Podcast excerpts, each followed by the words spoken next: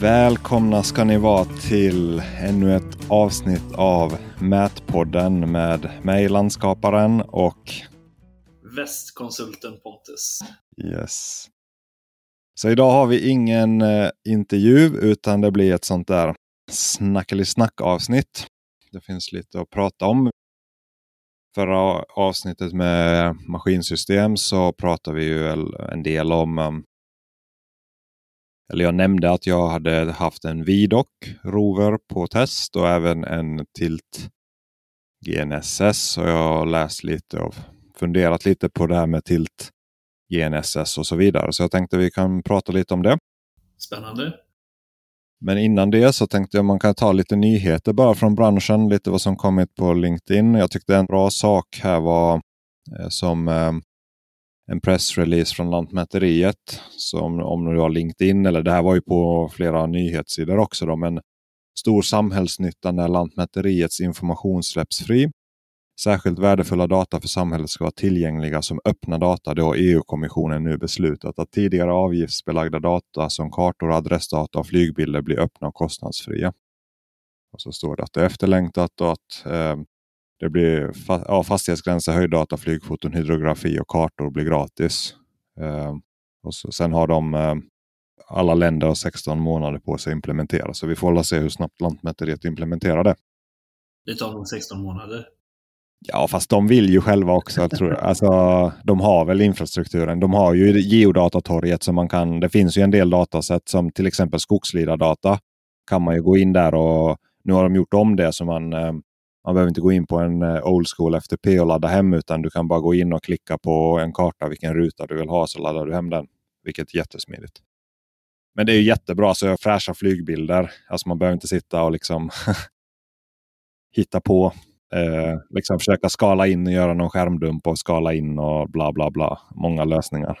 Exakt. Nej men det är superbra. Det. Jag, jag hade faktiskt inte hört detta alls. Jag är inte, jag är inte riktigt lika eh, aktiv på de här eh, nyheterna som kommer ut. Så det är, det är riktigt trevligt att få sitta här och höra lite nyhetssvep. Ja, det, man får ju vara lite så här. Om man ska vara influencer så... nej, men det, nej, men det är väl superbra. Men jag tror man... Ähm, att lite sådär, lite nyheter kan man ta med. Men, ähm, ja, det är jättebra. Så, men, men det var, tyckte jag var en bra sak att känna till för det påverkar ju alla där oavsett med vad man jobbar med med koordinater. Så är det ju så. Nej men Tilt, eh, Tilt S. Vad har du för erfarenhet av det? Har du använt? Vad får du för reaktioner? Tänker noggrannhet, funktion, kostnad, vad som helst? Ja, eh, första svaret ja, jag har använt jag äger själv ingen. Eh, jag använde på, på förra filmen där så använde jag någon gång ibland när man fick låna fin, finstaven. Eh, spontant så när man har liksom mätt x antal år utan så var första känslan som de flesta eh, lägger kommentar på att det var svårt att liksom navigera runt för att du, du sveper runt det mer som en blindkäpp än att du ställer ner och lutar vart ska jag? Som man kanske är van att jobba när man bara tittar på libellen. Men det är väl framförallt för utsättning då eller? Ja, jo men så är det ju. Eh, jajamän, det, blir, det är ju absolut skillnad om man mäter in. Det är det ju. För då kör du ju bara ner staven. Så... Ja, nej men, men spontana är ju att det, det, det är en jättebra teknik. Eh, sen när jag valde att köpa GPS så snålade jag lite för jag kände att jag klarar av mätt i så pass många år utan och det är så pass mycket dyrare var i alla fall. Det kanske vi har färska siffror på, jag vet inte, men eh, det var ju ganska mycket dyrare att, lägga till en tilt. Sen, eh, det har jag nämnt i tidigare avsnitt. Sen vet jag ju att på vissa, vissa jobb så har jag ju sett i teknisk beskrivning att tilt inte är tillåtet. Ja, du nämnde det privat. Men vad, vad är det för jobb du har läst det i? Då är det trafikverksjobb just det jobbet var en vägbredd. Nej, en väg, vi skulle smalna av en, en eh, lång sträcka. Vi satt och räknade på ett jobb då för, på, ja, räknade åt en, en eh, huvudentreprenör under BIB-koderna och då stod det där i, i eh, inledningen på BIB att eh, eller vi, om det stod vid inmätning kanske. Ja, hur som helst så stod det att eh, GPS med tiltfunktion får användas men tiltfunktionen ska vara avstängd. GNSS-utrustning med tiltfunktion. Men då ska den vara avstängd. Den fick inte, den fick inte användas eh, vid eh, ja, inmätning och utsättning. Det, det satte mig på ett spår och försöka läsa vad som står skrivet om det. Eh, när du sa det någon vecka sedan. Och för var, varför ska man förbjuda det då? Det finns ju en anledning. Ja, men exakt. Vad, vad, har du för uppfattning om noggrannheten när du testat? Eller så har du hört någon som klagar på det eller anmärker mer än att uppenbart om det är skrivet i en nej, upphandling? Alltså, nej, det, jag, lite som dig. Jag ställde mig ju samma fråga själv. Sen, eh, sen hade jag inte samma tid och engagemang att ta reda på varför är det så här. Men, men jag, jag har ju mestadels bara hört bra om det och framförallt, eh, ja det är ju ingen hemlighet nu längre att jag träffar väldigt mycket entreprenörer, markentreprenörer. Och när de skaffar egna stickor, de kan ju inte fatta att man köper utan tilt. Väl är det ju liksom den bästa uppfinningen som eh, någonsin har gjorts till eh, de här GNSS-utrustningarna, eller ja, till stickorna där. Så, så ja, jag har bara hört bra feedback. Sen vet jag att du och jag snackar ju lite för några vecka sedan om det här med fel felkällor och lite när du går över vissa vinklar då börjar det på att springa iväg i felmarginal och så. Men det känns som att du har varit och läst lite mer på detta nu. Ja, jag, jag kommer inte ihåg. Vi kanske pratade om det i det AP20 avsnittet redan. Eh, men eh, just det, just det, det kanske jag gjorde. Nu har jag inte lyssnat på det igen då. Men jag testade ju det också här hemma då eh, med tilt. Och man, man slås ju av smidigheten när man ska ta hushörn eller vad som helst. Att det blir enklare. Alltså om du tänker dig 30 grader som vi säger en GS18 då med tiltfunktion tillåter de flesta. Det finns ju de här äldre. De, de tål, ju, eller tål, ska bara användas upp till 15 graders tilt, vilket inte är jättemycket. Sen finns det ju 30 och så finns det vissa då, den här Zenit 60 tror jag var upp till 60 grader. då. Men i alla fall 30, 30 grader. Då. Och det gör ju på en två meter stång gör ju en meter i, eh, i horisontal skillnad. Alltså om du tänker att du kan luta den en meter utifrån väggen. Och det gör ju mycket enklare att fånga. Alltså, om man tänker sig hur, hur mäter man objekt utan tilt mot en vägg då? Alltså eller objekt, alltså en lyktstolpe med när du mäter GNSS-mätning. Yes, du sk helst ska du göra någon cirkelfunktion och ta i bägge ändar eller, eller så trycker du din, din rover mot stolpen och säger good enough. eh, och likadant mot eh, väggar och så vidare. Och det, Då får du också ett fel, då, väldigt stort fel egentligen mot en vägg där du skär av alla satelliter. Ja. ja tumstocken har ju varit min bästa vän i de jo, Tumstocken är syftningslinje kan man göra, alltså syfta fasad och så vidare. Alltså, tilten gör ju det smidigt. Sen testade jag på en punkt. Nu har jag inte sammanställt det än. Eh, jag har inte hunnit det heller. Men jag har haft en punkt här löpande hemma som jag testat all utrustning på. Som mäter in det på olika sätt. Och det jag märkte direkt var att det blev jättestor diff när jag körde tilt och särskilt när jag tiltade mycket. Och jag helt sådär, inte jättemetodiskt, men jag bara det här är slumpmässigt. Alltså det är jättebra när det tiltar lite, liksom det pendlar kring det här plus minus 20 millimeter. Men sen plötsligt så blir det ett fel som är liksom 15 centimeter fel. Och så går det tillbaka. Och så blev det liksom när du tiltar 60 grader då liksom diffade 10 centimeter. 10-15 centimeter. Och då var det så här, hmm, hur mycket? Alltså okej, okay, jag fattar att tilt, eh, det är inte bara, bara, bara. Tittar man på GS18T, då, deras tilt, alltså Leicas egen spes, då, så säger de, eh, ehm, vad säger de här då? 8 mm plus 0,4 mm per grad i ökad osäkerhet. Så vi tar 0,4 mm gånger 30 grader, det är 12 mm. Och du får 8, plus 8 mm i grundfel, så du får 20 mm ökad lägesosäkerhet. Då. Utöver GNSS-utrustningens grundfel? Ja, exakt. Det är ju det som är svårt att säga i plan ligger det väl i grund på 10 mm på ett sånt här allmänt stadsförtätat nät. Alltså vi har korta baslinjer här i alla fall där vi i städerna. Och många ställen i landet. Det låter ju illa men du kanske försämrar noggrannheten tre gånger. I bästa av världar. Men du är fortfarande kanske på 30, 20, ja, någonstans mellan 20-30 mm i plannoggrannhet det man ska tänka på det är ju standardosäkerhet. Då. Alltså, där borde vi prata om det någon gång. Men alltså, man måste ju dubbla den i verkligheten. då. Alltså om du ska lita på den. då. Så du hamnar på 5 cm plannoggrannhet enkelt uttryck istället för 2. Men det är ju Leica själv då som skriver det då. Och det har de ju här stod det någon lista att De testat det på x tiotusental observationer. Vad står det här? 18, ja, där är 19 000 observationer i ett test och 20 499 observationer på ett annat test. Så det är ju väldigt många mätvärden och du använder samma punkt och det är liksom bra siktförhållanden och så vidare. Det man kallar ett labbtest. Det är ju bästa av världar.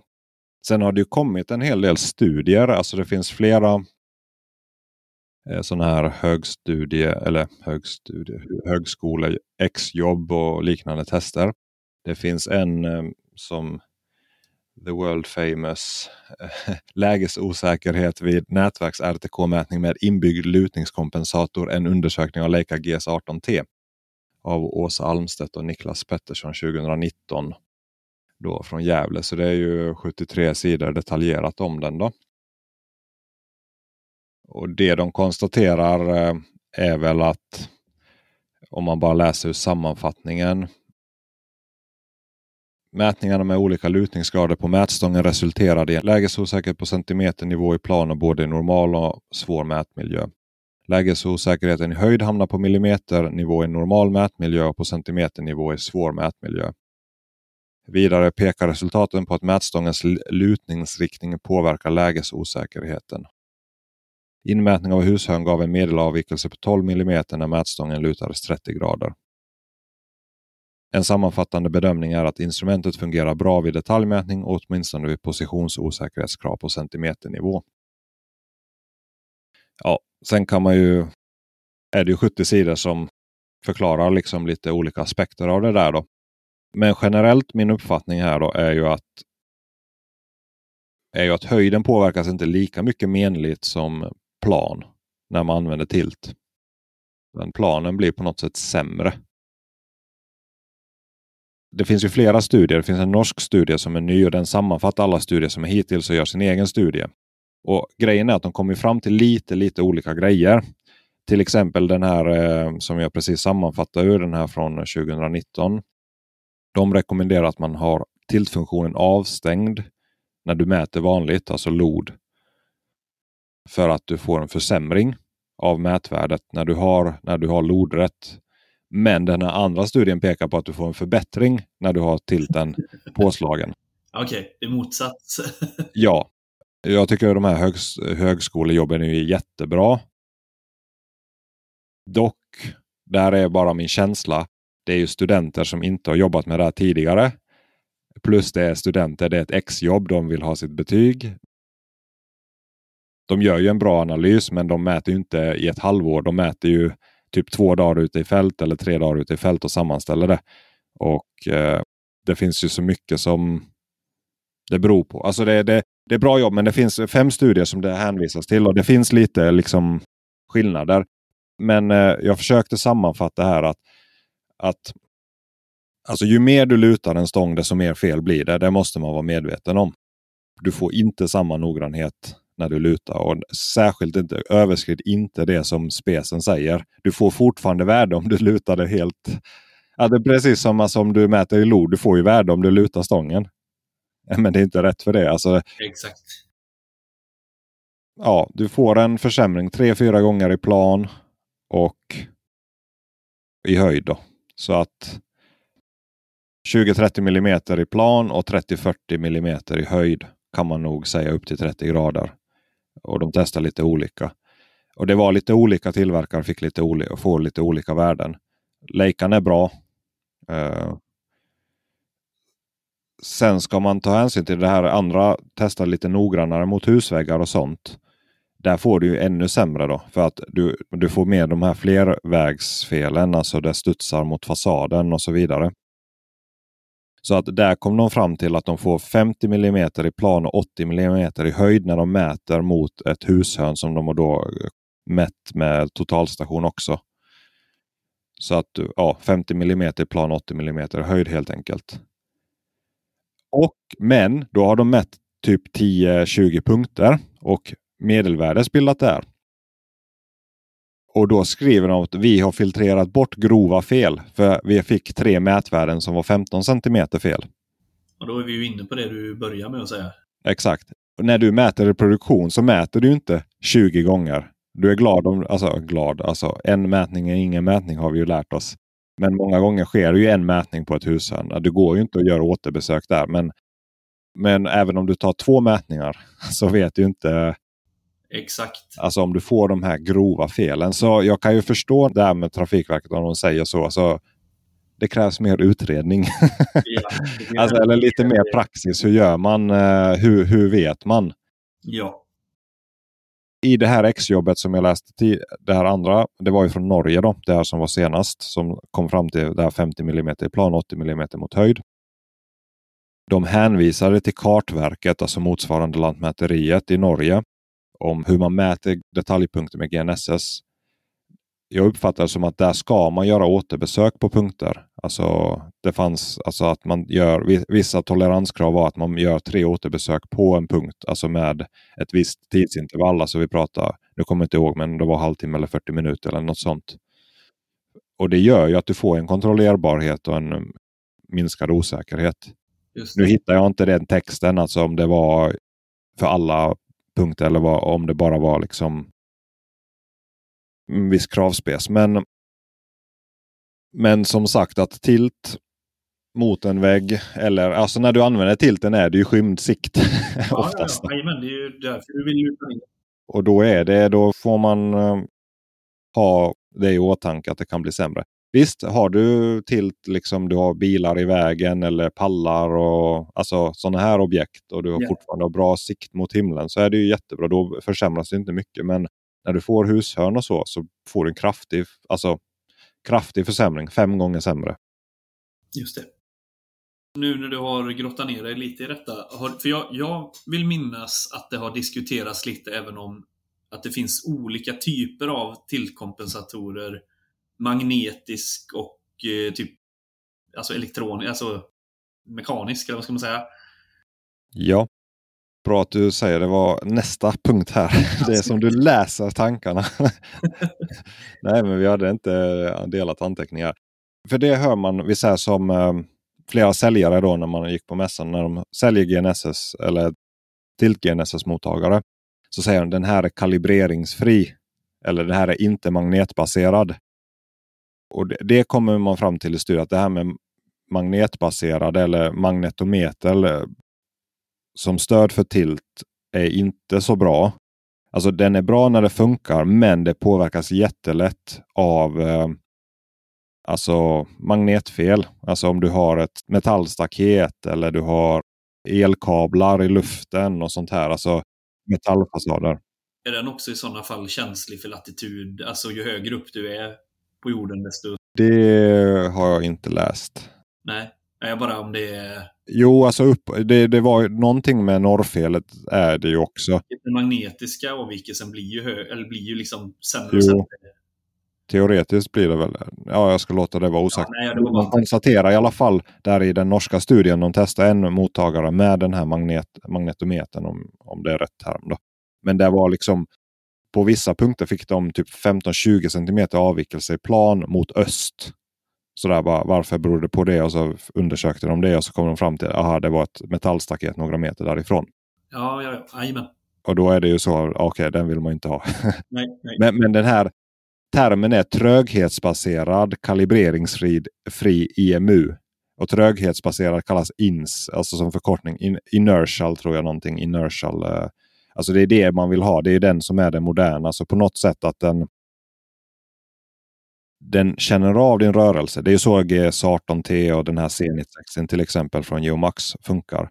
Att du behöver en rörelse. Att de till och med står det i den här svenska eh, exjobbet från 2019 eller studien.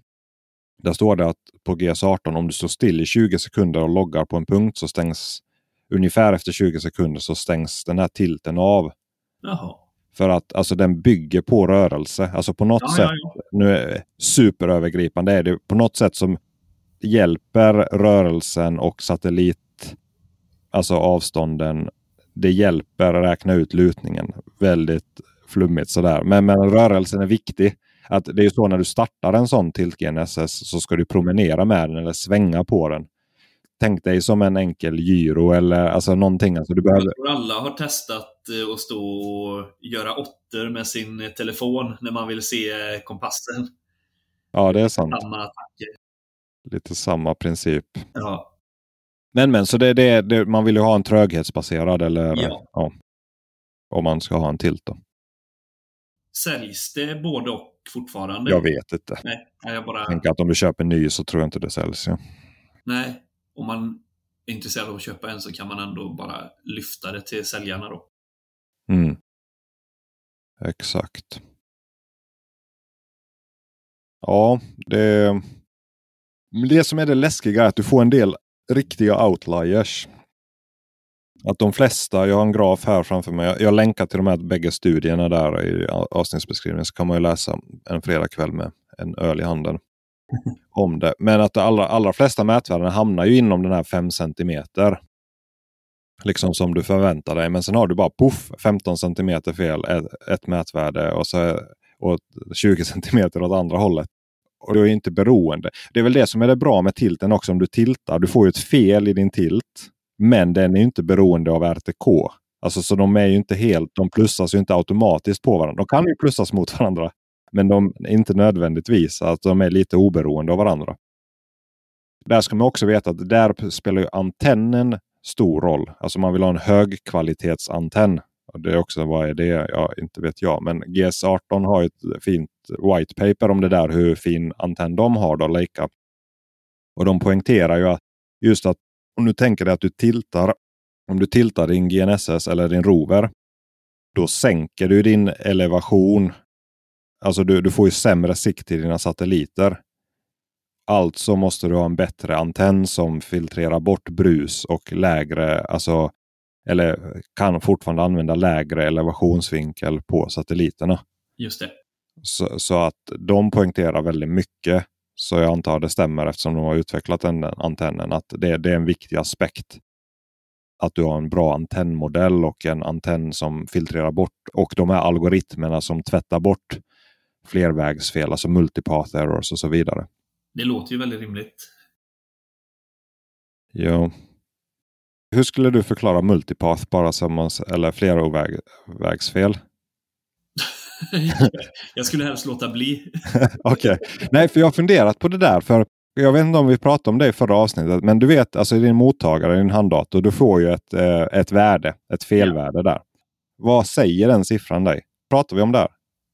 Det vet det kanske Jag tror inte det. Jag, Nej, jag tror inte heller vi gjorde det. Men, men, ja, du tänker... Ja, men vad, vad säger du? Geopard säger CQ-värde och alltså, de säger standardavvikelse säger ju den. Ja, nu ligger du på 10 mm eller 13. Alltså den pendlar ju lite. Vad, vad säger den siffran? Det, om någon vet det så var med på podden och berätta det. Men vad får du för uppfattning? Vad, vad säger den siffran till dig? Min, min uppfattning av det är, om vi, om vi, om vi tar Geopadden som ett exempel där du har CQ, där du, där du egentligen får ja, men ett, ett standard, en standardavvikelse i ja, men, meter.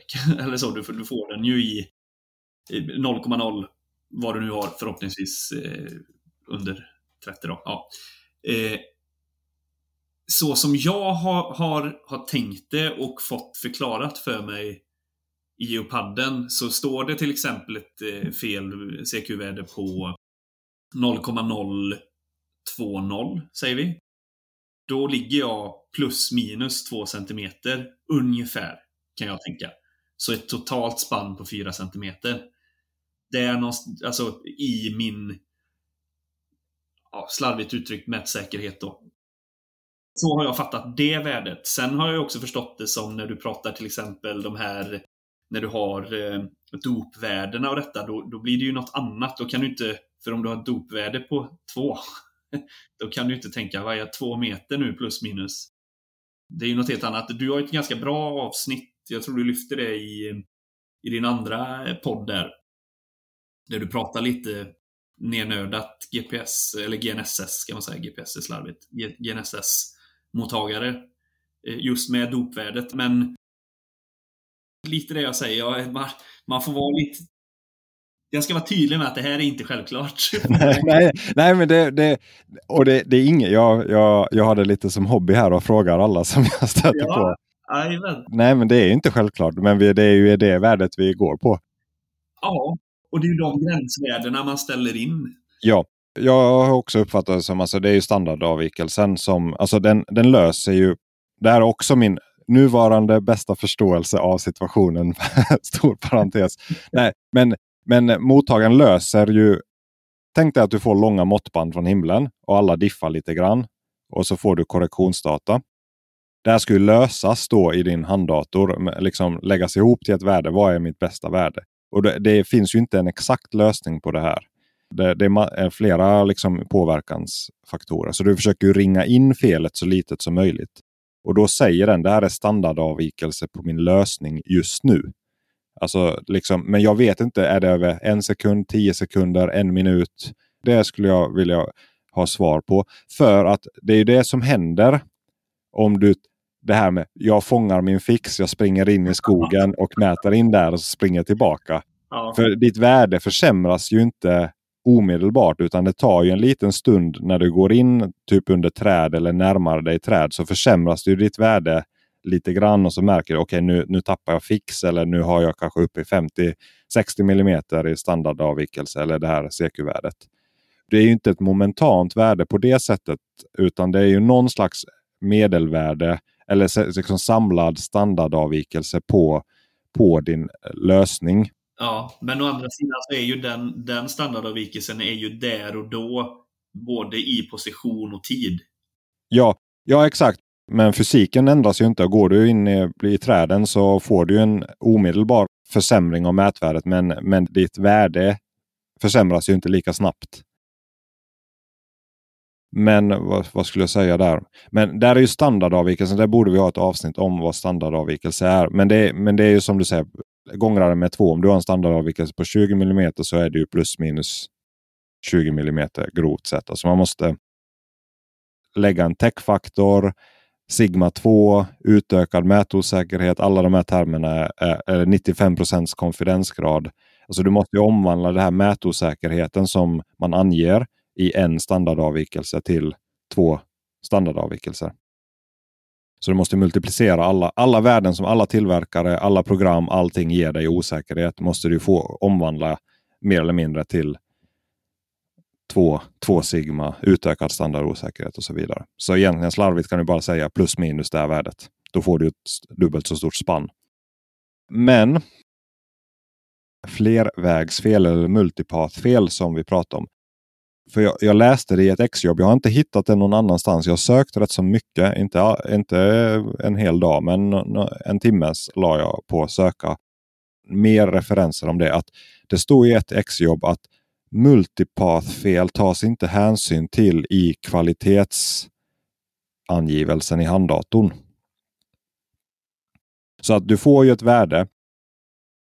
Tänk dig att du står vid vatten och så tittar du ner i vatten. Ljuset bryts ju. Fisken, alltså om man tänker sig att man ska skjuta med pilbåge eller sticka en eh, käpp ner i vatten och fånga en fisk som du ser vid ett punkt eller en sten, plocka upp en sten. Det, det, du ser ju fel, alltså du, ser, du måste ju kompensera för ljusets brytning i vatten. Det är min nuvarande liknelse för flervägsfel. Ditt öga kan inte säga att det är fel för att det är ljuset som bryts. Alltså flervägsfel är ju att alltså din satellitsignal studsar på en träkrona eller på en eh, fasad och sen går in i din mottagare. Men den säger ju fortfarande att avståndet är så här många kilometer eller meter. Jajamän. Och mottagaren har ju ingen den vet ju inte att hej, nu har jag studsat på en vägg och kommit till dig. Den har ju ingen sån kod. Utan det, det är det som är felet. Och det kan inte din mottagare säga. Den löser, Åh, löser den här formen jättebra. Men verkligheten är att du har fel. ja. Den kan inte kompensera. Alltså du kan inte det, med hjälp av det kompensera för flervägsfel. Och där tillbaka till den här GS18 antennmodellen. De lägger väldigt stor vikt vid att de har jättebra antenn och sina avancerade Secret sauce algoritmer som filtrerar bort flervägsfel. Men det finns inget enkelt sätt att säga att det här, så här är det. Och där är det viktigt när man använder GNSS då att står du vid fasader, står du vid vattenytor, eh, står du vid träkronor, du får flervägsfel. Punkt slut. Du har fix, du har bra standardavvikelse, men du har fortfarande en, en försämrad noggrannhet. Det har jag testat här hemma nu när jag har, jag har köpt en egen rover vet du, med Svepas. Gött. Den billigaste möjliga. nej, nej, det finns billiga. M-lid i alla fall. Bara. Ja. Men eh, mer om det någon annan gång. Men jag har testat på en fixpunkt eh, som har träd, eller fixpunkt, en bergspunkt som jag har och som jag har trädkronor i. Och det diffar. Alltså jag har fix, den säger att det är bra liksom 10 mm i, i plan och 15 i höjd. Men verkligheten är att det blir kanske 60-70 mm fel. Och det är för att det har träd i. Men jag tappar inte fix. Nej, men det, det är jätteintressant för det jag under åren så har jag blivit demad lite olika eh, lite olika eh, GNSS-stickor utav olika fabrikat och mång, alltså säljarens argument många gånger det. Ja men eh, kolla här, nu är vi igång. Nu går vi in under här. Kolla, kolla i skärmen. Du har fortfarande det är bra siffror. Eh, och det det är väl, eh, ja, det ser bra ut. Men och så börjar man ställa då lite frågor så men alltså hur hur? Och hur vet jag att den siffran, alltså lite det du är inne på. Och då, då blir det inte riktigt lika, vad ska man säga, alltså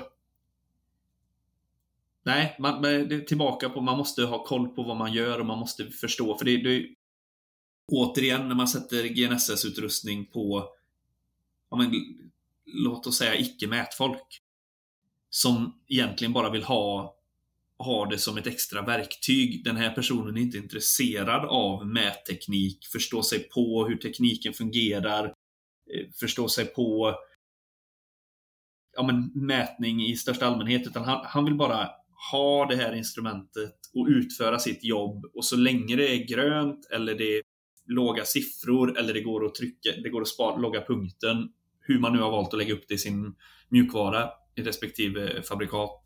Så han vill bara, det ska bara funka.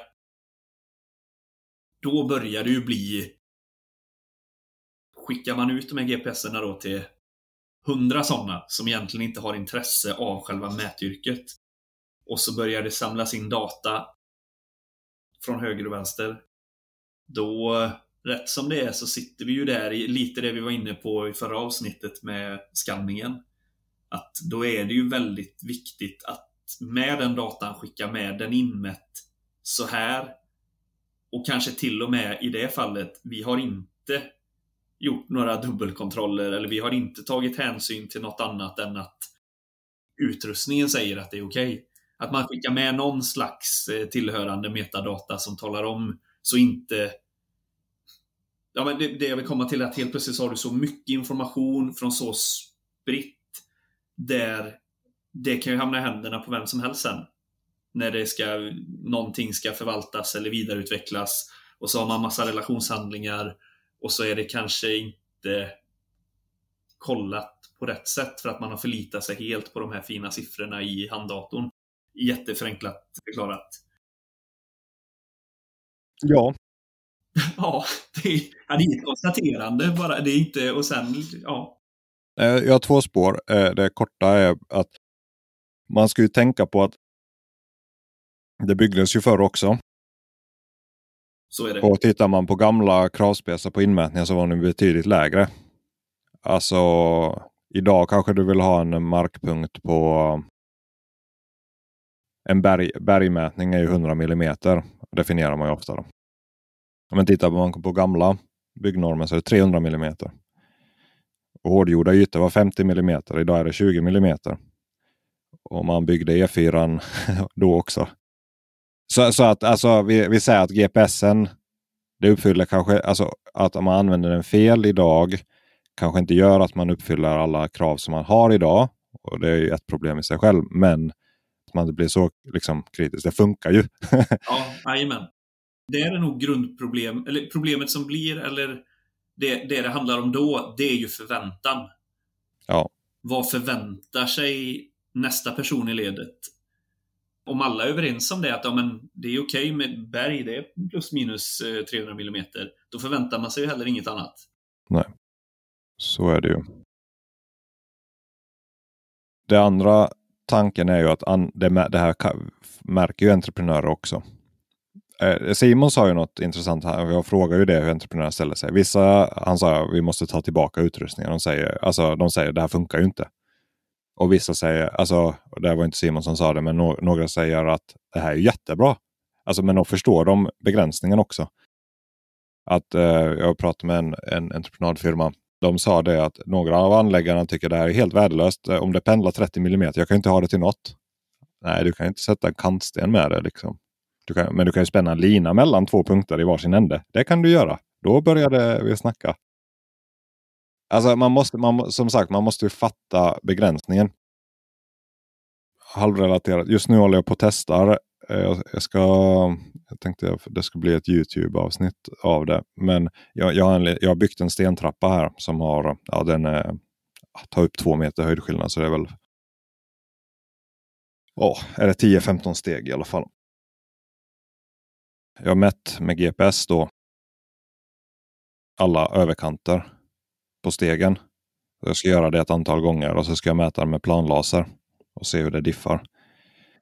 För att, alltså, bara för att redovisa, så mitt förväntade är ju att om jag tar överkant och underkant på trappen helt och hållet och bara medlar ut och räknar till tio steg så blir det ju good enough för projektering eller relation. Men om jag mäter varje steg så kommer jag, stegdjupet kommer inte vara 15 centimeter. Alltså den kommer ju pendla från 8 till 16.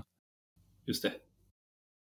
Alltså att, att förstå liksom, visst vill du ha små relativa avvikelser så är det inte kanske det drömverktyget. Men om du mäter i varsin ände och sen tar det relativa med, med en eh, ja, planlaser eller eh,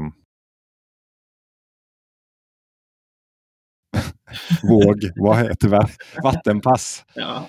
Eller, ja. Så, så, att, eh, ja, men för att skapa förståelse för det.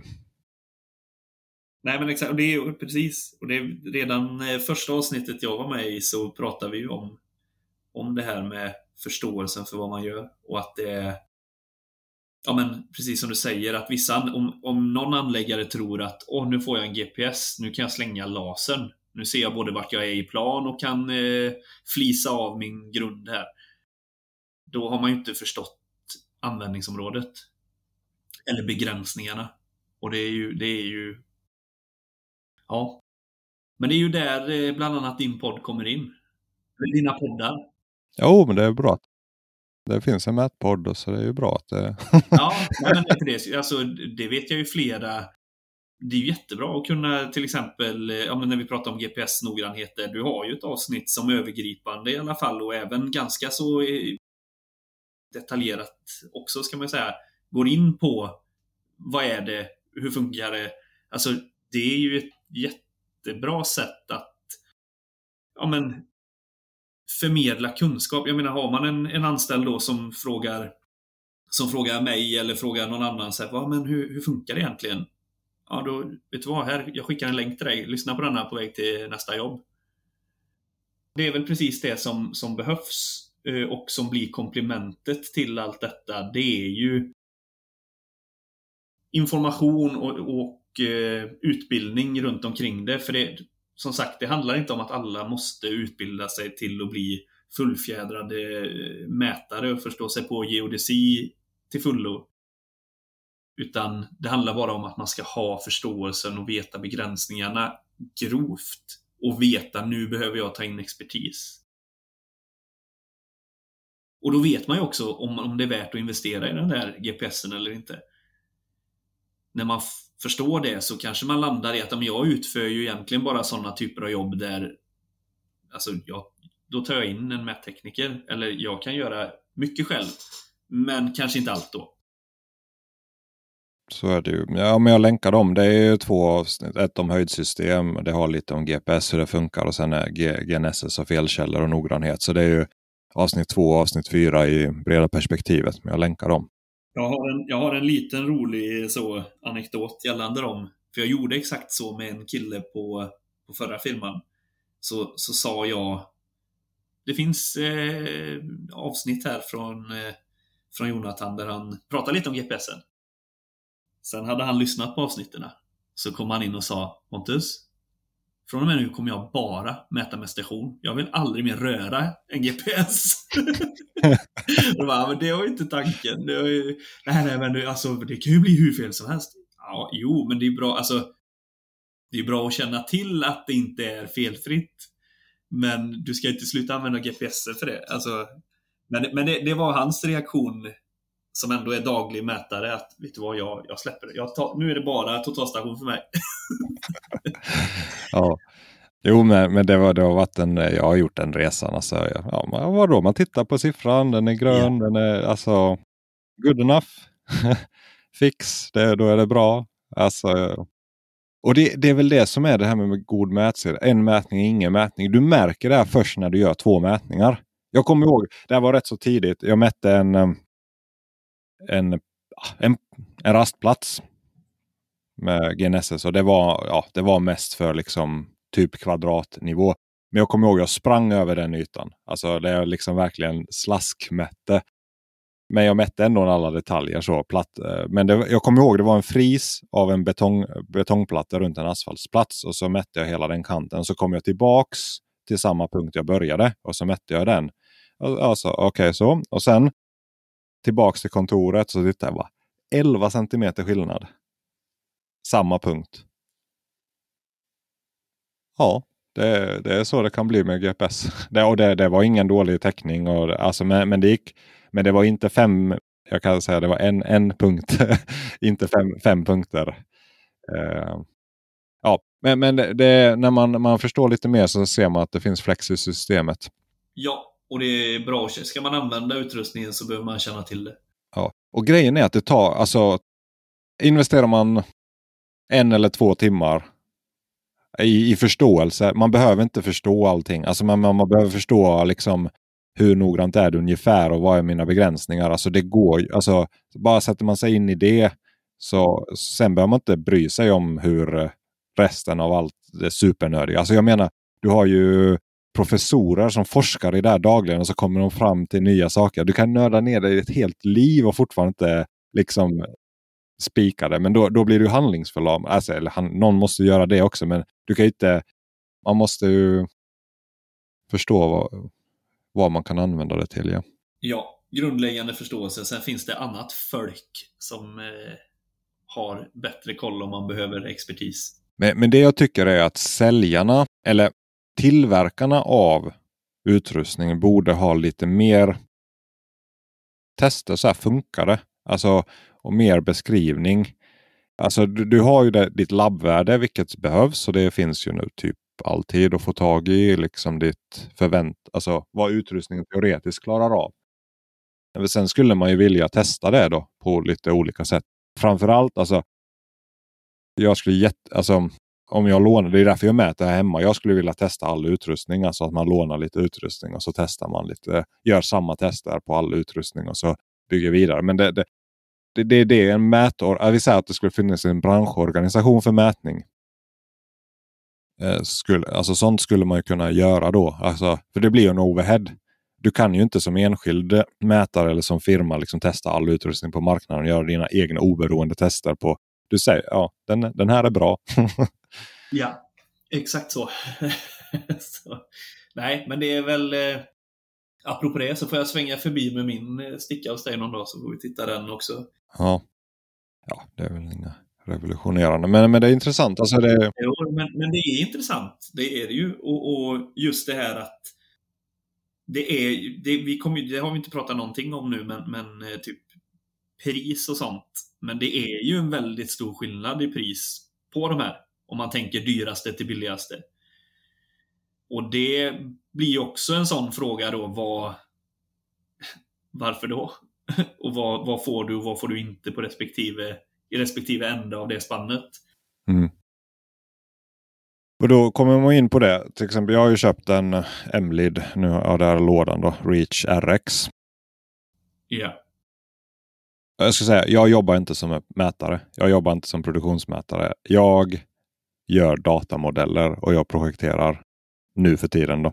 Och så sköter jag om mätning. Jag skulle inte köpt den här RTK-roven om jag mätt i produktion. Inte för att den inte är noggrann. Den innehåller vad jag uppfattat ett ZED, eh, vad heter det, ZED 9. Ja, det finns ett märke i alla fall, ett chip som sitter i alla lågpris-GPSer. Den har samma eller lik spec som Leicas värsting. Det finns massa studier på det. Det är ett jättebra GNSS-chip. Det chippet kostar mellan 800 och 1500 spänn att köpa om du vill bara ha chippet. Du kopplar det med ett batteri på blåtand och liksom sätter ihop det. Och så behöver du mjukvara. Då ser det verkligen ut som ett hemmasnickeri. Då kan jag köpa med samma spes kan du köpa en för 4000 på liksom från en holländsk mätsida till exempel. Eh, inte, inte RX men alltså samma, alltså samma spes på mätutrustningen. Men då får du liksom en USB-sladd stickandes ut. Ja, det ser riktigt hemmabyggt ut. Då. RXen är fin byggkvalitet som jag har här. Då. Den känns gedigen. Den är jätte, alltså liten. Det, den är väldigt lik en stor burk öl. Fast den väger bara 250 gram. Alltså en, eh, en 500 milliliters långburk. Då. Så den får plats i innerfickan och den är jättesmidig. 16 timmars batteritid. Eh. Du har en knapp på den, du trycker på den. Sen har du en app. Funkar jättebra. 7 eller 8 mm i plan. 14 mm i höjd. Liksom deras spes. Jag har mätt på fixar, jag har mätt på punkter som jag har mätt med andra GNSS. Finns ingen skillnad. Jag får samma mätvärden. Ja, den är jättebra. Men där är mjukvaran. Mjukvaran, de har ju en egen app då, Flow som den heter. Då. Den, alltså kass, kass är fel ord, men den är väldigt begränsad i vad den kan göra.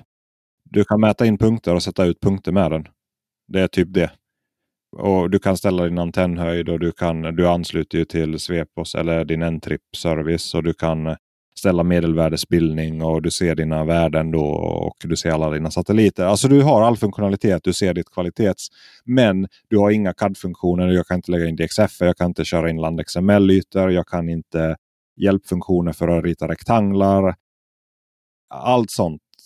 Det liksom finns inte. Och Det gör det att du kan inte använda det i produktion. Men jag såg en, varför jag köpte den, jag pratade delvis. Alltså jag såg en eh, kommunal lantmätare, eller ja, han jobbar väl på kommun som inte lantmätare. Men kommunal mätare i alla fall eh, var det Timrå kommun som jag skrev lite på LinkedIn. Han hade en sån. Då. Så frågade jag lite. Så han använder ju den. Så mäter man inte mycket så tror jag det är ett bra val. Och det är det jag, det, jag har bara haft den i ett par veckor. Jag har testat det en månad och sen har jag ja, ägt den i en vecka typ. Det jag vill som projektör kunna på plats ibland titta är att vart ligger vi? Vart är färdig platta? Ta en punkt som mätaren missade. Liksom jämföra. Det är det syftet jag har. Ja. Och det känns ju som att det, det är ungefär det den är framtagen till. Ja, och drönarpiloter, de, de är ju, kommer ju från drönarvärlden. GCPR. Alltså att du kan mäta markpunkter. Och det är ju den perfekt för. Öppna punkter i LOD. Ja, men, men det jag vill också göra, jag, just nu håller jag på att testa Vegis. Det är en sån här AR-app eller vad man säger. Att du, du tar din platta eller telefon och så ser du din verklighet genom kameran då. Och så lägger den på din modell i den. Och den, det ser väldigt bra ut. Så jag, det är det jag vill använda den här till. Att jag kan ta min modell och titta ute på en arbetsplats och se så, så här blir det. Visa kunden. Håll plattan här. Jag monterar fast den med en jigg på plattan. Så, så sitter den fast där. Håll den här, titta, så här kommer det bli. Är du nöjd? Liknande Trimbles eh, AR. Exakt, men de har ju det sin. Det är ju, de, då måste du ha TBC och du måste ha Trimbles. Ja, ja. Men det är samma, samma resultat kan man säga. Ja, så det är ju en oberoende app. Alltså, det är ju det som är VGIS kostar, eh, vad har de på sin hemsida? 12-1300 dollar om året. Något sånt. Alltså en säg tusenlapp lite plus i månaden för appen. Det är till din platta vilken som och så behöver du en RTK. Ja, det, det tror jag är superbra hjälpmedel. Och då får man känslan också, okej, okay, alltså när man visar kunden, det är inte så noga om det är en centimeter om det är fem centimeter. När du ser slänt, du ser byggnaden, okej, okay, det, det kommer se ut ungefär så här. Jag tror där, där är, är, det kommer ju förändra. Jag tror det kommer man ha som anläggare. Du har tio gånger bättre liksom, visuell bild av projektet då än vad du hade innan. Mm, men du luras ändå inte riktigt att tro att det här är liksom exakta sanningen. Nej, men, nej. nej, men exakt. Precis. Så Sight Vision och det, det, det tror jag på. Men, men hur kom vi till det? Alltså GNSS-mottagare är liksom, vad skiljer dem åt? Kanske inte jättemycket i hårdvara, men det mjukvaran är jätte, jätte, jätteviktig. Och tänka igenom vad vill jag ha för system? Vad vill jag betala för? Alltså den här, den här kostar 19 000, 18-19 000. Och så ett Svepos-abonnemang. Det är ju ingenting. Nej, det är ingenting. Det är väldigt billigt är det. Ja, så det är det. En annan GNSS-fråga som kom upp också i något av de här X-jobben är jonosfäraktiviteten. Just det. Just det. För jag hade faktiskt problem att få fix här en, eh, en dag. Och så tänkte jag jag ska kolla jonosfäraktiviteten bara för skojs skull. Om det är det. Ja, det var högt här i, i Göteborg. Eller svårt. Ja, det, jo, det var svårt att få fix. Så det var liksom uppe i gul. Sådär. Och egentligen kanske det inte påverkar fixen jättemycket utan det är mer upplö alltså du får sämre mätvärden. Ja. Men så stod det ett exjobb. Solars, solcykeln var lägsta punkt 2020. Alltså du har ju en, eh, är det en 11 eller 12-ish, alltså årscykel med sol, solaktivitet som kastar ut partiklar, någonting som påverkar jonosfären som gör att du får sämre satellitsignal eh, eller hur man nu uttrycker det. Eh, I det här exjobbet från Norge så hänvisades det Nej, det var inte det. Jo, det var en hänvisning till en annan studie eller en annan rapport och där var det ett exempel med solaktivitet från Norge 2011.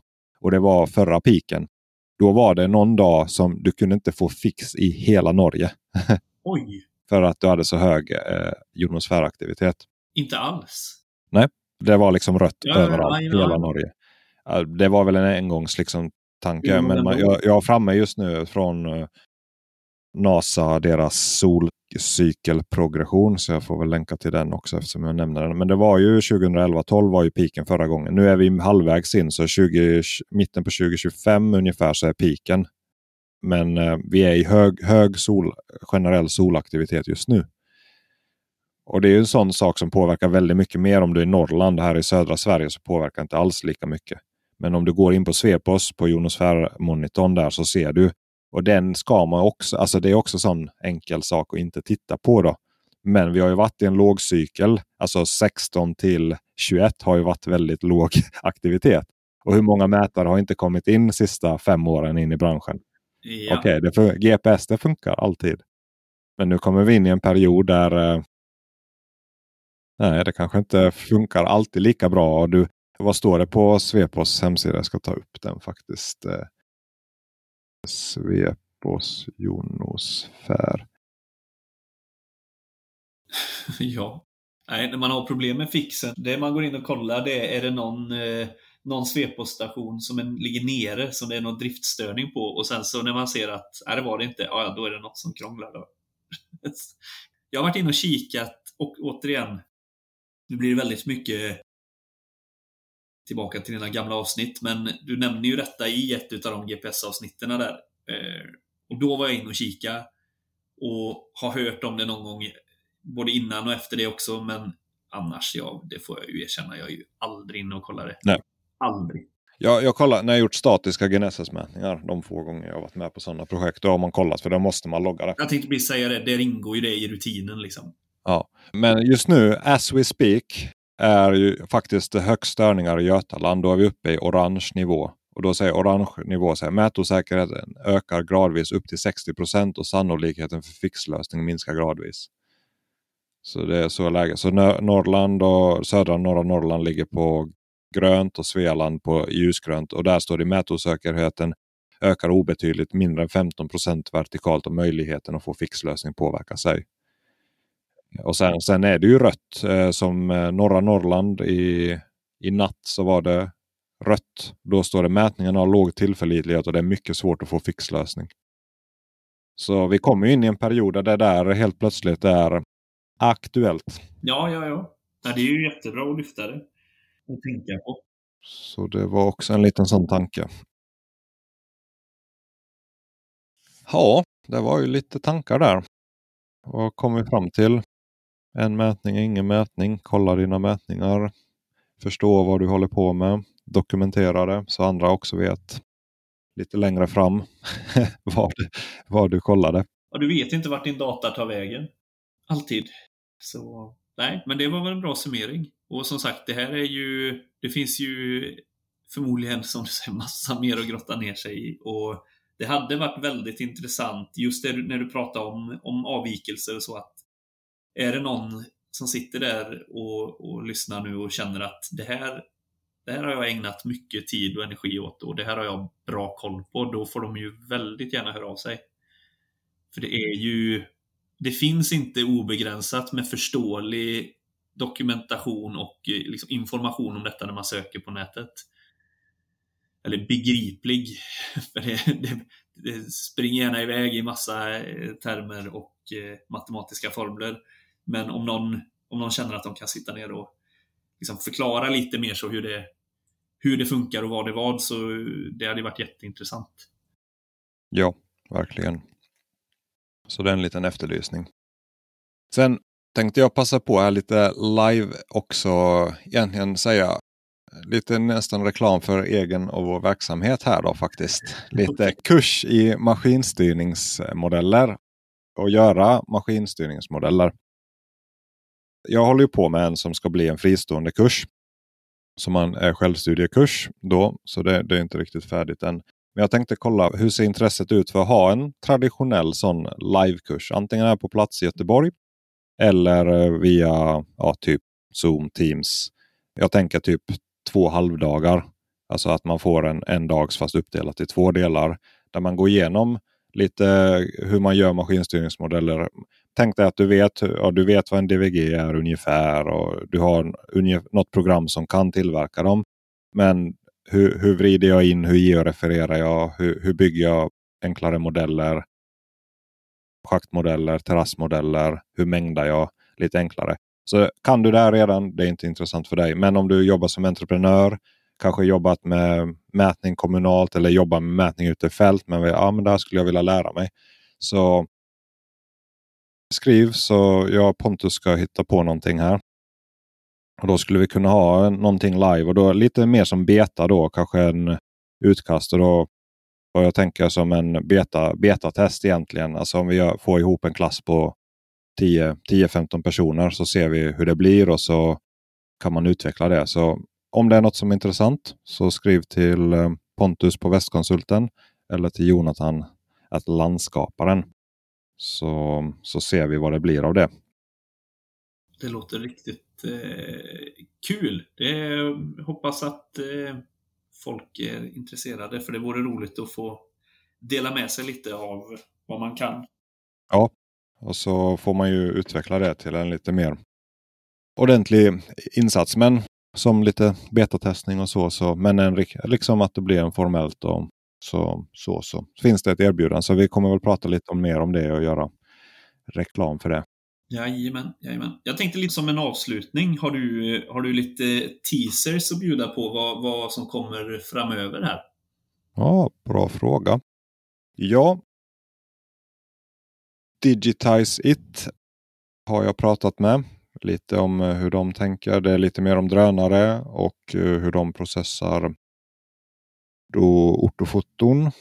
Vi har tanken eh, att prata med 5D-konsulterna eh, om Nacka-modellen. Eller den här, vi nämnde ju det att de har en jättebra teknisk handbok och det är 5D-konsulterna som ligger bakom där. Så där hoppas vi kan göra någonting. Jajamän, intressant. Det ser jag lite extra fram emot. Knutit kontakt. Pratat lite med Leica, med Karl Johan där. Så det kommer väl ett avsnitt om det. Om eh, deras eh, site. Vad heter den? Excavation. Deras enklare maskinstyrningssystem. Ja, Icon Field Solutions till, eh, till deras, ja, jajamän. Ja, där är i alla fall eh, tre grejer och sen pågår eh, lite aktiva diskussioner med lite andra. Men det är inte riktigt spikat än. Intressant. Men det kommer så vi får väl se om vi... Det finns innehåll i alla fall. Jajamän.